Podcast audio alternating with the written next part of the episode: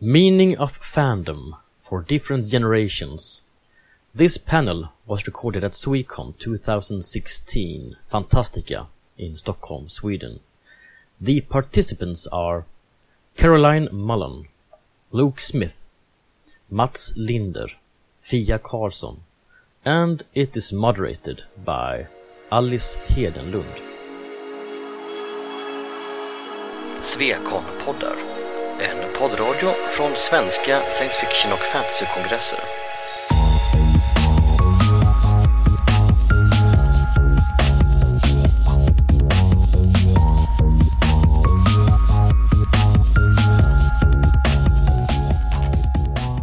Mm. Ah, oh, okay. Should we start, maybe? Okay.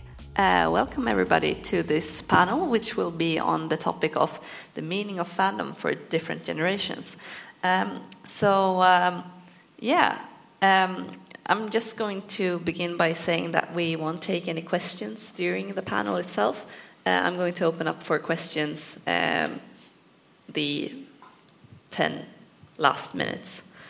Uh, yes, so uh, I'm going to uh, first of all let the panelists introduce themselves. So these are all um, different people um, uh, in fandom of different generations, obviously. So uh, maybe we can start over there.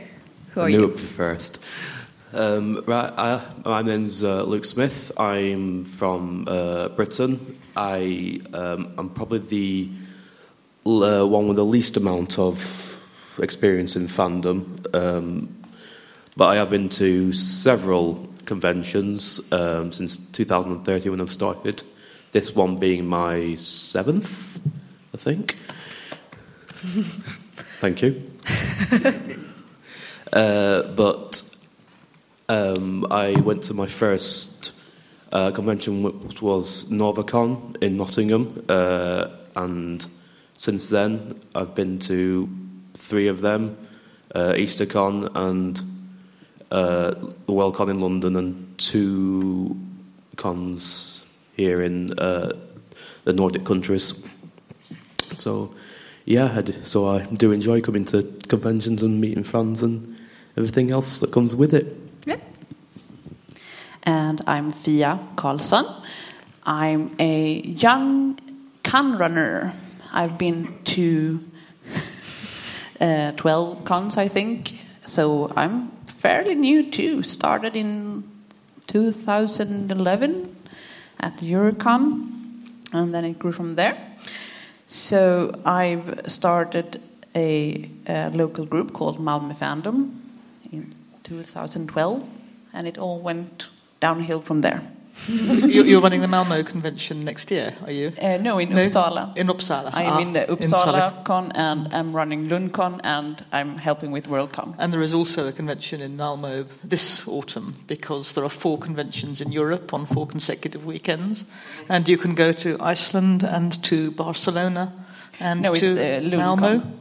Uh, And first is uh, Lundcon, and then IceCon, and then Eurocon. Hmm And then and then Novacon if you want to go. Yeah, to, yeah. And then Novacon. so you could Something go. to look forward to. So if, if you have the time and the money, you could you could have a, a very good November. Um, Especially if I've got the money. We, we, need, we need a Spanish money fairy, don't we, to, to, to, to, to, to, to dower us with, um, with scholarships for going to conventions. We could wish. You have to run a fan, you have to run for one of the fan funds. That's the way you do it, but that's quite hard work. I'm Caroline Mullen. Um, Carolina said, Would I come to Swecon? Um, so here I am. Um, thank you for inviting me. We're very glad to have you. Um, I went to my first convention, which was the WorldCon, World Science Fiction Convention in Brighton, um, England, in 1979, and I went to buy books. And I stayed. Okay. And my name is Mats Linder, and just to stress this thing about generations, I would like to show this, which is an award I was presented with. Uh, I, I, I forget when, I forget uh, who presented it, and uh, that illustrates, of course, uh, the generation thing. At least it was after the year 2000. I've been a fan since uh, about 1963, 64, and to me, uh, the saying fandom is a way of life applied for, I think, about 10 years. But since then, I've sort of downgraded it a bit, but I've been to quite a lot of conventions. I forget how many, I forget which also, except the ones I, I organized. So that's my background. You lose count around 100 or so. Okay. Um, so my name is Alice Hedenlund. Uh, I will be your moderator today. And I'm one of those people who, um, I look very young, but I've been in fandom for a long time. I'm one of those persons born into fandom, you could say. So my first convention was EasterCon uh, 1993 in Jersey when I was one years old. So I've been in fandom for, for a long time. Um, and during my later years, I started arranging cons and everything. So um, since since I haven't been really, I, I, I didn't have that um, that moment when I found fandom because it, it has always been there. So I was wondering, so when was that moment for you? Was it a gradual like entrance into fandom, or was it a bam? That's the definite moment when. I went to buy a book and I found all the science fiction books in the world, but by the end of the weekend, I had found. I, I say I, I, I, say I, had, I found my tribe. This is partly a reference to um, the way that American fans, um, fans in the US, um, felt about finding their fandom um, in, in, in over, over many decades. Because those of us who came from places where there were not many readers and not many books um, finally came to a place where there were many readers and many books um, and found ourselves at home. But I went to several conventions before, uh, but I went, but I didn't get fandom from that convention. I found a sense of belonging, some, a place I knew I had to come back to to belong, but I did not find the thing itself. And I had to go back home and read the program book, and I had to write three times to join the next year's EasterCon because they didn't answer my first two letters. I don't know why not. Um, and so it was not until I went to my second convention in the Easter Convention in Glasgow in 1980, and I came back from that convention with more books and more fr- and some friends and a membership for the British Science Fiction Association, um, which meant that I started getting fanzines and news about what was happening at conventions and with books and um, and fan groups through my door. So it, it, was, it was both very quick and immediate and, and quite long and slow, both together. Slow burning gloves are the best. yeah. I found, actually, I found fandom before I even knew fandom existed because I started a book circle when I moved to uh, Skåne in southern part of Sweden. And they were sort of not involved with fandom, but they knew about it. So they told me that there's this Eurocon happening in Stockholm in 2011. We should go. So we went rather separately, but we went. And that was it for me. I think I really, really loved it. I met uh, Jukka Halme, which I am now. I'm not his number one fan. It's a thing. so uh, but the real moment where I got stuck with fandom, I think, was when I returned a year later uh, uh, to uh, Kontrast in 2012, because then I met all these guys that I've met the year before, and we just catched up and like, how have you been? What's happened? That's when I found my tribe, I think. Yeah. I, I'm, I'm, I would, I'm curious to know as to whether your experiences of the first time you met fandom was like mine, because to me it was almost a revelation. I, I discovered other fans through the Swedish prozine Häpna in in the beginning of the 60s, as I said.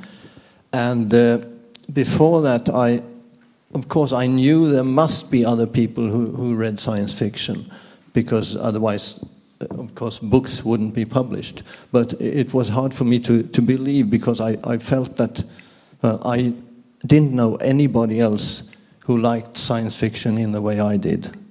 Perhaps there were, were other people who, who read it, but nobody like me felt for it like I did. And then I discovered fandom and I, I uh, met other fans and I got my first fanzines. And it, it was such a big experience. I, I, can, I can't express how big it was to me. So just to see that I wasn't alone and talk to other people who, who could whom I felt at home with about science fiction. So I was wondering whether you had that same enormous experience as I did.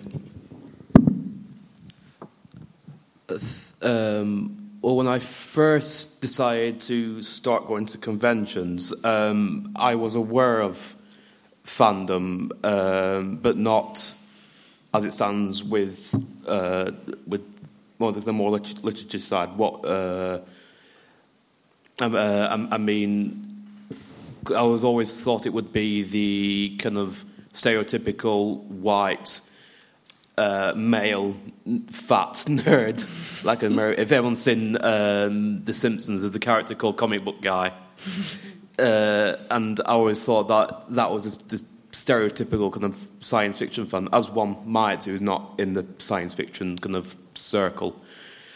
But I decided that I'd just go to one uh, because I wanted to be uh, a writer, and I thought, well, I've got to meet if I meet other authors and I meet, you know, people that might be buying my books at one time or reading my short stories or whatever. So I went there, and I was very presently surprised to find that it wasn't all um, fat male, uh, incredibly up themselves um, people, it was generally white female, incredibly up themselves people. Yeah. I'm sorry. no, but there was there was pleasantly surprised to find that there was women there as, as, well, um, which there should be, of course. Uh, so, but yeah, it was. Every, um, but everyone was just so kind of welcoming with open arms. The fact that this person who had never gone to a science fiction convention before. I just jumped in without knowing any. Literally, I did not know what I saw when I went to my first um, NovaCon. We we recognise that. I, I didn't. I, I, the only thing I knew about my Worldcon was the fact that it was happening and that I could buy where and when it was happening, yeah. and the fact that I could buy books there. I had never met anyone who'd ever been to one or yeah. seen a con report or anything, as far as I know. Yeah, that's true. I hadn't, and I didn't know anyone at Eurocon either. I think I don't really remember how I get to know, got to know all my friends. Actually, I just remember that it must have been such a blank space because there's so many impressions the first time you, you go. Yeah. But uh, uh, from later conventions, what I remember and what makes me love fandom all over again It's like these little things where you suddenly you're in a group of people that love Star Trek as, just as much as you, and you start to uh, say a line from one of the movies, and another one just catches on and say the next part, and another one just say the next part, and then you're all just into this. In, into the spirit of it all, and you really you know all the fun stuff, and you appreciate the same stuff, and that's just uh, it gives me goosebumps. Um, so, so, so why did you choose to stay in fandom? I mean, it takes a lot of time and it takes a lot of money to go to conventions. So, so why do we choose to to spend that money on on fandom? Why not save that money for books and read them at home? And I'm still trying to figure that out myself. I think the, this is one where there must be different answers for different mm -hmm. generations. I think because I went for the books and although I came back very quickly for more of lots of things, um, at every convention I went to, I, live, I was living in Belfast, um, and the only, and Belfast had the new bookshops that were the mass market, the ordinary bookshops, if you like, and it had second-hand bookshops, but it had no specialist SF bookshops and nobody who was importing SF from the United States. Um, so I I had been going to London to buy science fiction books. I must have been a, I was a, a poor sad teenager, um, but I was quite a rich. Sorry, I was quite a rich sad teenager, um, relatively speaking. I was probably the only teenager in Northern Ireland who was going to London to buy second to buy science fiction books. um, so, I, but I transferred that to conventions. I sent home.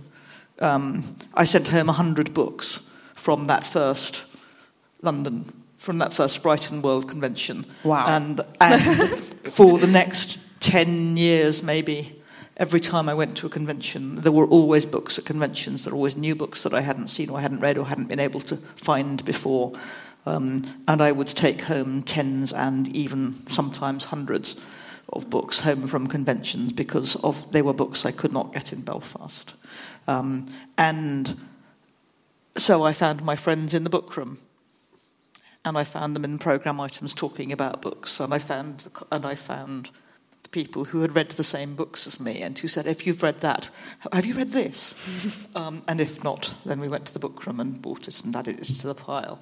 So for me, the books were the the root and root and um, pillar of it that sustained everything else while all the while everything else grew around the books.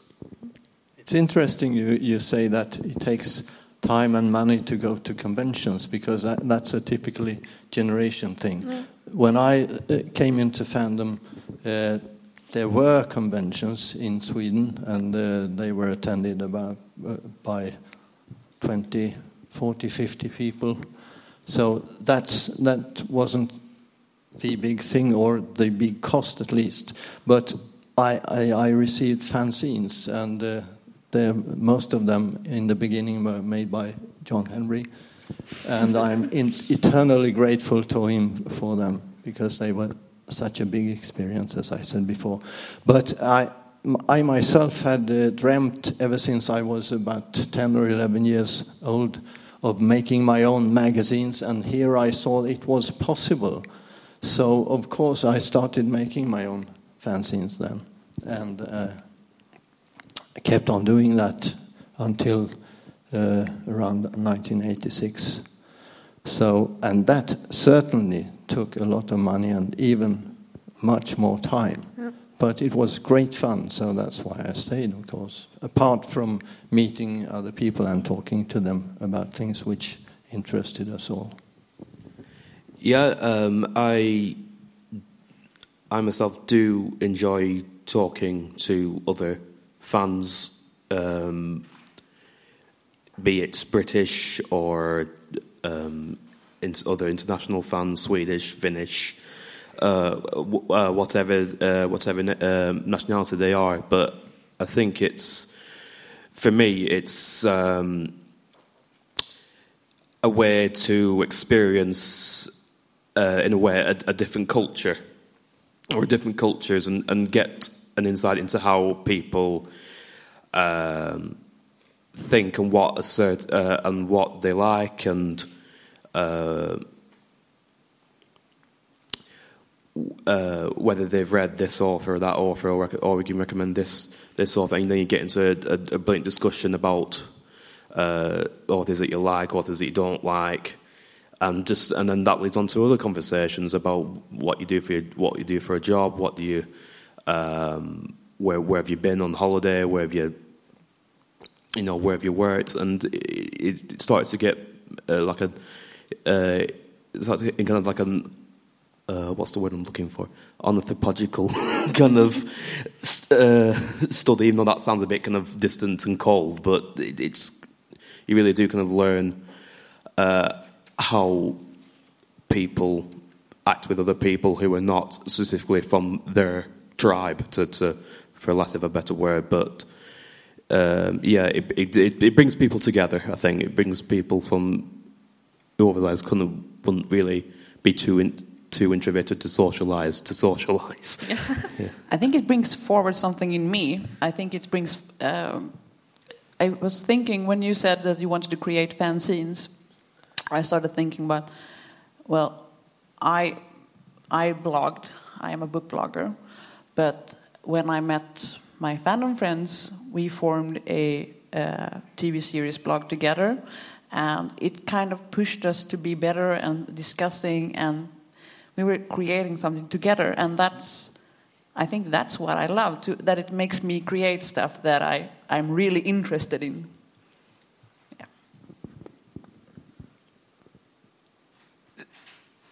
I, in some ways, it wasn't as expensive in the 80s as it is now. Um, travel was, in some ways, noticeably cheaper. It was possible to conventions quite often made formal or informal arrangements for people to sleep for free.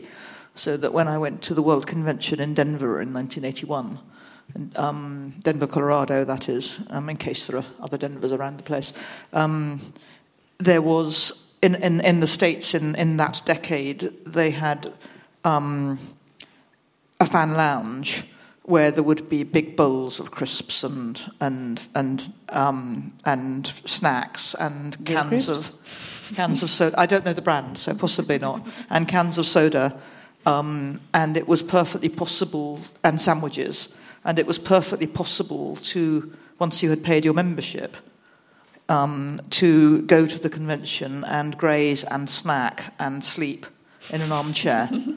Um, and it was it was a kind of gift of the, of the community to the members of its community who couldn't afford the hotel rooms um, and the restaurants, so that was going on as well. Um, and in the UK, there was um, a rather less, there was much less of the provision for food, but, but we used to try and make sure that we understood how people would be crashing, um, sleeping without paying um, for the people who could not, so to keep the price. And now it is different. We almost never try to. We, we, we recognise that hotels have to make their, their, their living as well. And so I don't think conventions ever do anything about providing for people to sleep for free. But you have things like con or bust um, and, um, and other ways of mitigating um, the costs of conventions for people and those and the ways that that, that has supported changes from place to place and, and, time to time. So it is an expensive hobby, but it isn't always expensive all the time for everyone. Mm. Um, okay, so um, what was the question I was looking for? Um, so, so, so we've seen basically we've seen fandom evolve during the years. It's obviously not fandom is not the same today as it was 10 years ago or 20 years ago or even 30 years ago. So, so, so how much can fandom change? What, what is the soul of fandom? What can it do change? or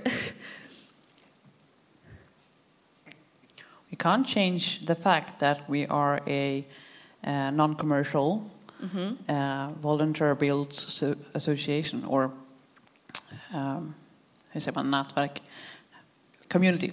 Yeah. So that would lose the essence of fandom, I think. Mm -hmm. I think as as long we're uh, as we're all interested in science fiction, of course, and as long we can keep the kind of comradeship which I, I feel is here today as it was 50 years ago, or even longer ago, of course. As as long as that exists, I think fandom will stay fandom in whatever shape. Yeah my fandom was shaped and my ideas of fandom were shaped by the Easter conventions and the world the British Easter science fiction conventions mm. and the world science fiction conventions which started in 1939 in New York um, and were called world cons because of the world fair uh, the first one there was nobody who was not from the United States and I think we think now that um, the British turned up quite quickly. A bloke called Ted Carnell turned up to world conventions and started and was instrumental in getting world conventions run in the UK. So they did become international um, in the aftermath of the Second World War. They did become international quite quickly. Um, but that's that tradition. So the World Con is now 70, will be 75 in Helsinki. The Easter Con will be 68 um, next year. These have been going for a long time. Um, and that tradition of fandom, and there are other fandoms and there are other traditions and other uses of the word. There are, there are, there are whole fandoms have grown up on commercial basis that have never no knowledge of or connection with these roots. But the thing that the World Cons and the Easter Cons feel very strongly is the cooperative contribution. Hmm. That whether you run the convention or, or, or publish the fanzine or write the book or make the costume, you're bringing it to your friends as your your gift to the thing that and, and the thing that we have together is the thing that's made up of everybody's gifts. Well put. yeah, what do you think, Luke? Um, I think just to um, just to carry on a little bit from what Caroline was saying. Um, when I first went to my, my first convention, I was taken aside by uh, a very nice lady, Alice Lawson, a very nice lady. Um, uh, and she said, because it's your first convention, I'll just tell you, said you can sit at any table, you can just introduce yourself, sit down, you can join the conversation, and no one would mind, be it an author, be it someone who's old, someone who's young, or, or what someone who's male, someone who's female, they're all going up, will always accept you with open arms. Um, so it's that, I say, it's that com- uh, camaraderie, and it's that kind of, there's no kind of hierarchy. Uh, I like to think that in, in, in fandom, the fact that we're all on the equal uh, level here. He's not telling you that Alice Lawson was, in fact, a co-chair for Lon- London Yes, she was.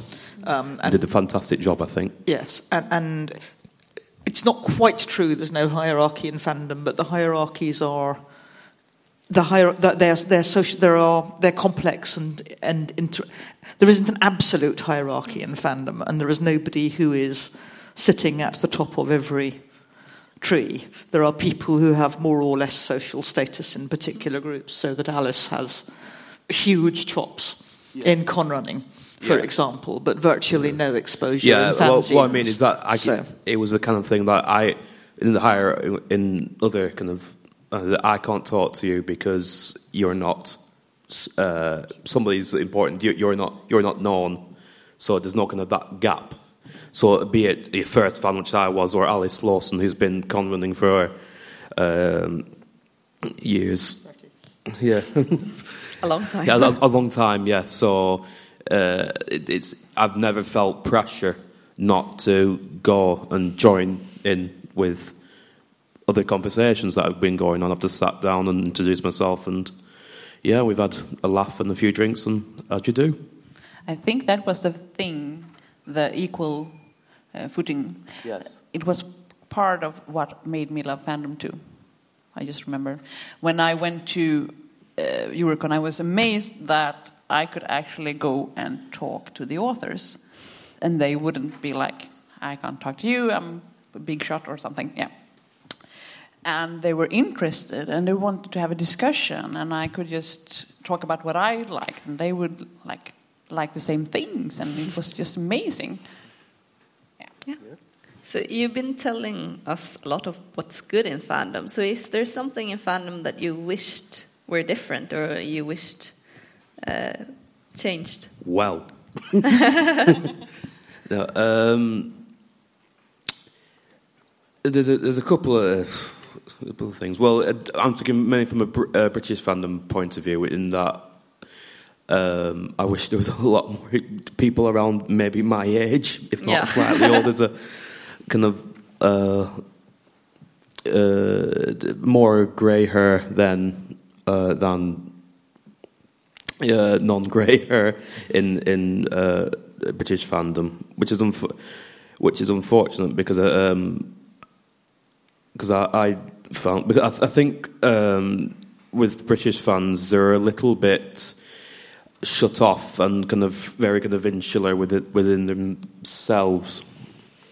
Not talking to, uh, not talking about Caroline, but some are. I'm not, I'm not arguing.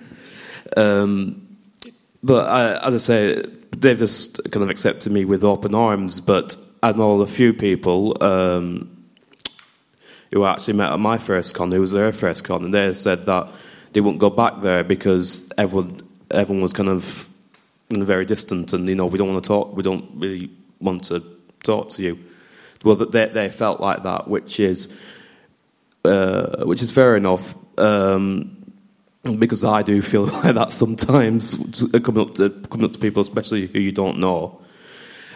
Uh, but sometimes you just got to say "fuck it" and just going to jump yourself in there, and yeah. Yeah, I think we have uh, a few more younger people in Swedish fandom, but there's still a bit of a aging problem, and I've been exceptionally welcomed. So I can't really speak for myself, but I know. yeah, uh, but I I know that there's a problem with um, especially young women being ignored in fandom, and I think we need to be better at that. And of course, we are proud of our traditions and our history, and we need to stay that way. But we should embrace uh, younger people. We should find a way to explain our culture or community uh, in a way that makes it not sound very internal. Yeah. I'm sorry to hear you say that about young uh, women because I was going to say that uh, the biggest uh, drawback with fandom when, when I came into it was that there were almost no women at all.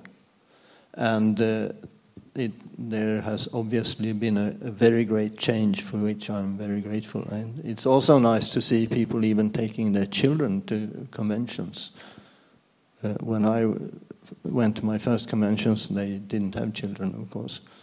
In, in Malmö fandom, there's a lot of young women, and so, I, I, I, really want to welcome them in the uh, community. So I'm working on bringing them to uh, Contour next year and stuff like that. But I think we all need to pull together to make them feel welcome, and that's not always happening. And so we should be better at information, we should be better at talking to people at cons, and especially young women. Advertising as well, I think that's important because one thing the British fans fail to do, really, uh, which is a big mistake, on, I think, is advertise. Because I, I, found out it, at the last EasterCon in Manchester, I, I found out that there's a Manchester Science Fiction Society and he said, yeah, we don't advertise. Just like, well, how, how do you get people coming there if it's, it's going to slowly die out? It's just like, yeah, we're, we're crap at advertising. Advertising, ad- advertising is one thing, but we need to be better at explaining our culture because when I just started going to conventions, I felt like there's this whole world that I don't understand. Everything is new and weird. Why are people calling me a fan? What's a fan? Uh, all, I recognise all of those. What I'd like people to do is recognise that it's complicated. Because, and, and, and it really is complicated, it's really hard to explain um, in any succinct or, or comprehensible form why decisions made and actions taken and words written and spoken by thousands of people over 60 years have got you to this place um, and why um, and, and, and, why we make jokes about having mushrooms for breakfast. And, um, I still don't get it. No, but, um, but, but I think this comes to the thing I'd like to see changed. I'd like to see, um, I'd like to be able to foster and, and, and bring back or bring about, because I'm not sure it ever existed, um, a culture that recognises that you can't know everything and that, and that when you join in, you muck in, you take. That, that you've got given, you've got to live and let live, if you like, fanishly speaking, because for every mushrooms at breakfast are a silly thing to make a joke about. We've been making jokes about mushrooms for breakfast for 40 years. But when somebody um, when somebody standing in a bar says viciously, I wish they'd give up on bloody mushrooms for bloody breakfast, it makes all the people who ever made a joke about mushrooms for breakfast feel that they've done something wrong. And one of the things that's happening is that, is that without that grace, without that recognition that it might not be your joke, um, it might not be the thing you want to do, but that it's pleased other people, or there are reasons why other people have done it, or there are reasons why it's happened that way, even though nobody wants it that way. Without that, that grace of understanding, of, of letting it be, you, won't, you can't have what we have because it's not possible to have it without that grace. I think we should let more people in on the joke. That's just what I'm saying. I don't want the mushroom jokes to end. I love mushroom ro- jokes. But, but I think that's, that's, that, that's a, a, a thing about means rather than ends because a lot of the ways people filtered in to the conversations and became aware of them and became aware and joined in with smallish groups and then moved around and did different things. And once you've been doing something for 40 years you've met a thousand people two or three times and you've met 200 of them 20 or 30 times and there are 20 you hang out with. That doesn't make the 20 you hang out with a clique. Um, it's a, a that's the way that networking works, that's the way that human social relations work, that's the way things work. Um, and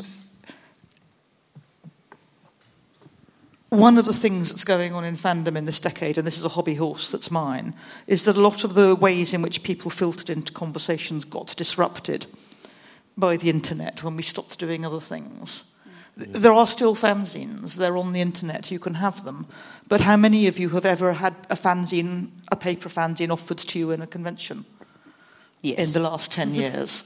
I had one today. You had one today. Well, well, well- well done. But, but, but it is rare. When I was new, um, it was a thing. There would be four or five people at a convention, each with their fanzine. You could ask for a fanzine. So you had easy, you had many routes into the thing that was fandom. Um, and you could take your pick and, and find your way in. And, I, and the book room was a route into fandom because it was always a place you could go and not talk to anybody for a while. And volunteering to um, help set up the art show was a route into fandom because it was easy work, anybody could do it, and you could get chatting to other people who knew stuff. But there aren't any, fa- the fanzines are online, and people say to you, well, you can go and get it from over there, but that's not the conversation now and here. Um, the art show has health and safety requirements. We can't let you in to help the, set up the art show because um, there's custom clamps and electrical work, and, and you haven't signed the, uh, you know, and, and, and you haven't signed the, the docket. The book not there. I'm sorry. I hope I'm not. This is trying to identify a thing that's changed. A book room that is 20 writers and small presses bringing their stuff to show is not bringing thousands of books and pieces of art and jewellery um, to pick over and talk about and think about and share with other people. It's a different conversation. So many of the old filters, if you like, the, the, little, the little paths through the woods that we took to find this have, have gone away. There are fewer paths. They've yeah, and some of the new ones don't work the way the old ones do, and we haven't figured all that out yet. So there's a lot of stuff going on that nobody understands, and nobody can really do much with all together. They can just do little bits here and there to try and make it different. So at EasterCons, we run a Welcome to EasterCon panel. I don't know, has anybody... I know several, quite a few people here have been to Easter conventions. Did you, uh, were you at one? Yeah, I At the was at the Manchester one. Was my at the Man- at the Manchester one. Well, yeah, and yeah, I went to the Welcome to Easter EasterCon. Yes. EasterCon panel. Yeah. See, well, whatever you thought of it, and some people I talked to afterwards liked it, and some people didn't. We were trying to do it differently Yeah. because we were trying to acknowledge that the things we used to tell people and the ways we used to tell it weren't working for us, and so we, and you know, we'll go on trying and we'll go on getting it wrong, and just hope we get it right enough enough of the time for people to come and stay. Yeah. I, th- I think as well um, because, it, as I said, th- th- there's a lot of grey hair in, in in British fandom, but a lot of them obviously they're meeting up with old friends, so they're chatting about time times past. But that can be for a newcomer, that can be quite alienating. I think because you're not in on the jokes and you're not in on the on the conversation. So. Um, so people kind of feel quite, quite put off, and then obviously there's some members, some of which I like, but some of who, who do like to kind of bitch and moan the fact that uh, you know fandom isn't what it used to be. That's where that's where we are the ambassadors. We need to, I mean, help people navigate through this new world. We need people to explain to us. I mean, I was really fortunate. I uh, Bellis, you all know him, yes. Uh, he has That was been the first person I talked to. My first first person I walked up to was Bellis. Yeah, me too. And he's been a great ambassador and really introduced me to a lot of people. And Same that's here. that's what you need to do. Should we open up for questions? Just, just one thing Yeah? to that, speaking to that, please. You're absolutely right. I heartily agree with you. But the other side of it is you have to come with an open heart. Because if you come thinking that you're buying a ticket to a show, Yeah. if you come thinking that um, the onus is on other people to give you what you haven't told us you want or need, that doesn't work either. We all came once upon a time for something we didn't know was here. You have to be open to finding that Could I- thing Yeah, for, I agree. for I you. agree. Could I have the first question, please? Uh, w- when you talk about uh, paths into fandom, it seems to me you're talking all the time ab- about science fiction conventions. Uh, when I was young, uh, we, the, the path into uh, uh, science fiction fandom was mainly societies, mostly local societies. Uh, what about that? Uh, do they not exist anymore? Is, is the convention the only way into fandom? Actually, my way in was through the Book Blogger Society. So that was kind of like fanzines online. Yeah. I, I was using the ones I used because conventions are what I know, and I'm running a convention. I run conventions, so I, I used the examples. But yes, the societies are still ways in. Um, but if you join a society, you come to a convention to sell the society or to, and, and, it, and it's a way in. Um, if you bring your book to a convention, you're bringing your book to a convention, it's a way in. Um, it's just a different way in from the old ways. Um, and you, and uh, you need to bind it in. You need to. that They all need to be bound in so that there's always a path from where you are to everything else that's going on. Um, and some of those, like I said, there are many, many ways in. There always were, there still are. But some of those old paths have broken down, and some of the new ones haven't been built yet. I think um, just to lead on from that, yeah, there is new paths, and the society is, is a way to get into uh, fandom. But uh, I think what happens some what happens sometimes is then you get little micro conventions within you know a big convention. You'll get you know people who's fan of Harry Potter, the Brotherhood Without Banners, uh, people who are fans of the Wheel of Time, and etc. etc.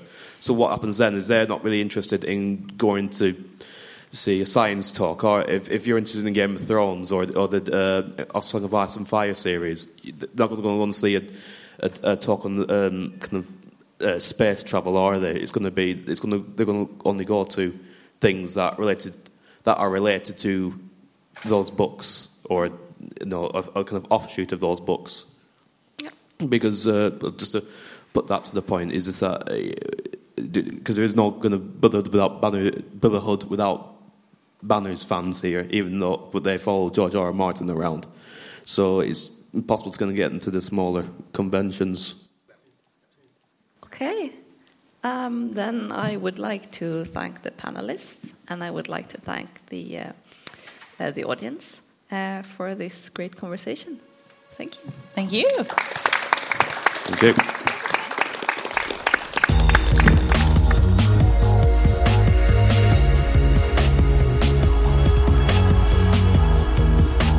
Musiken av Psychedelic Pedestrian från Free Music Archive.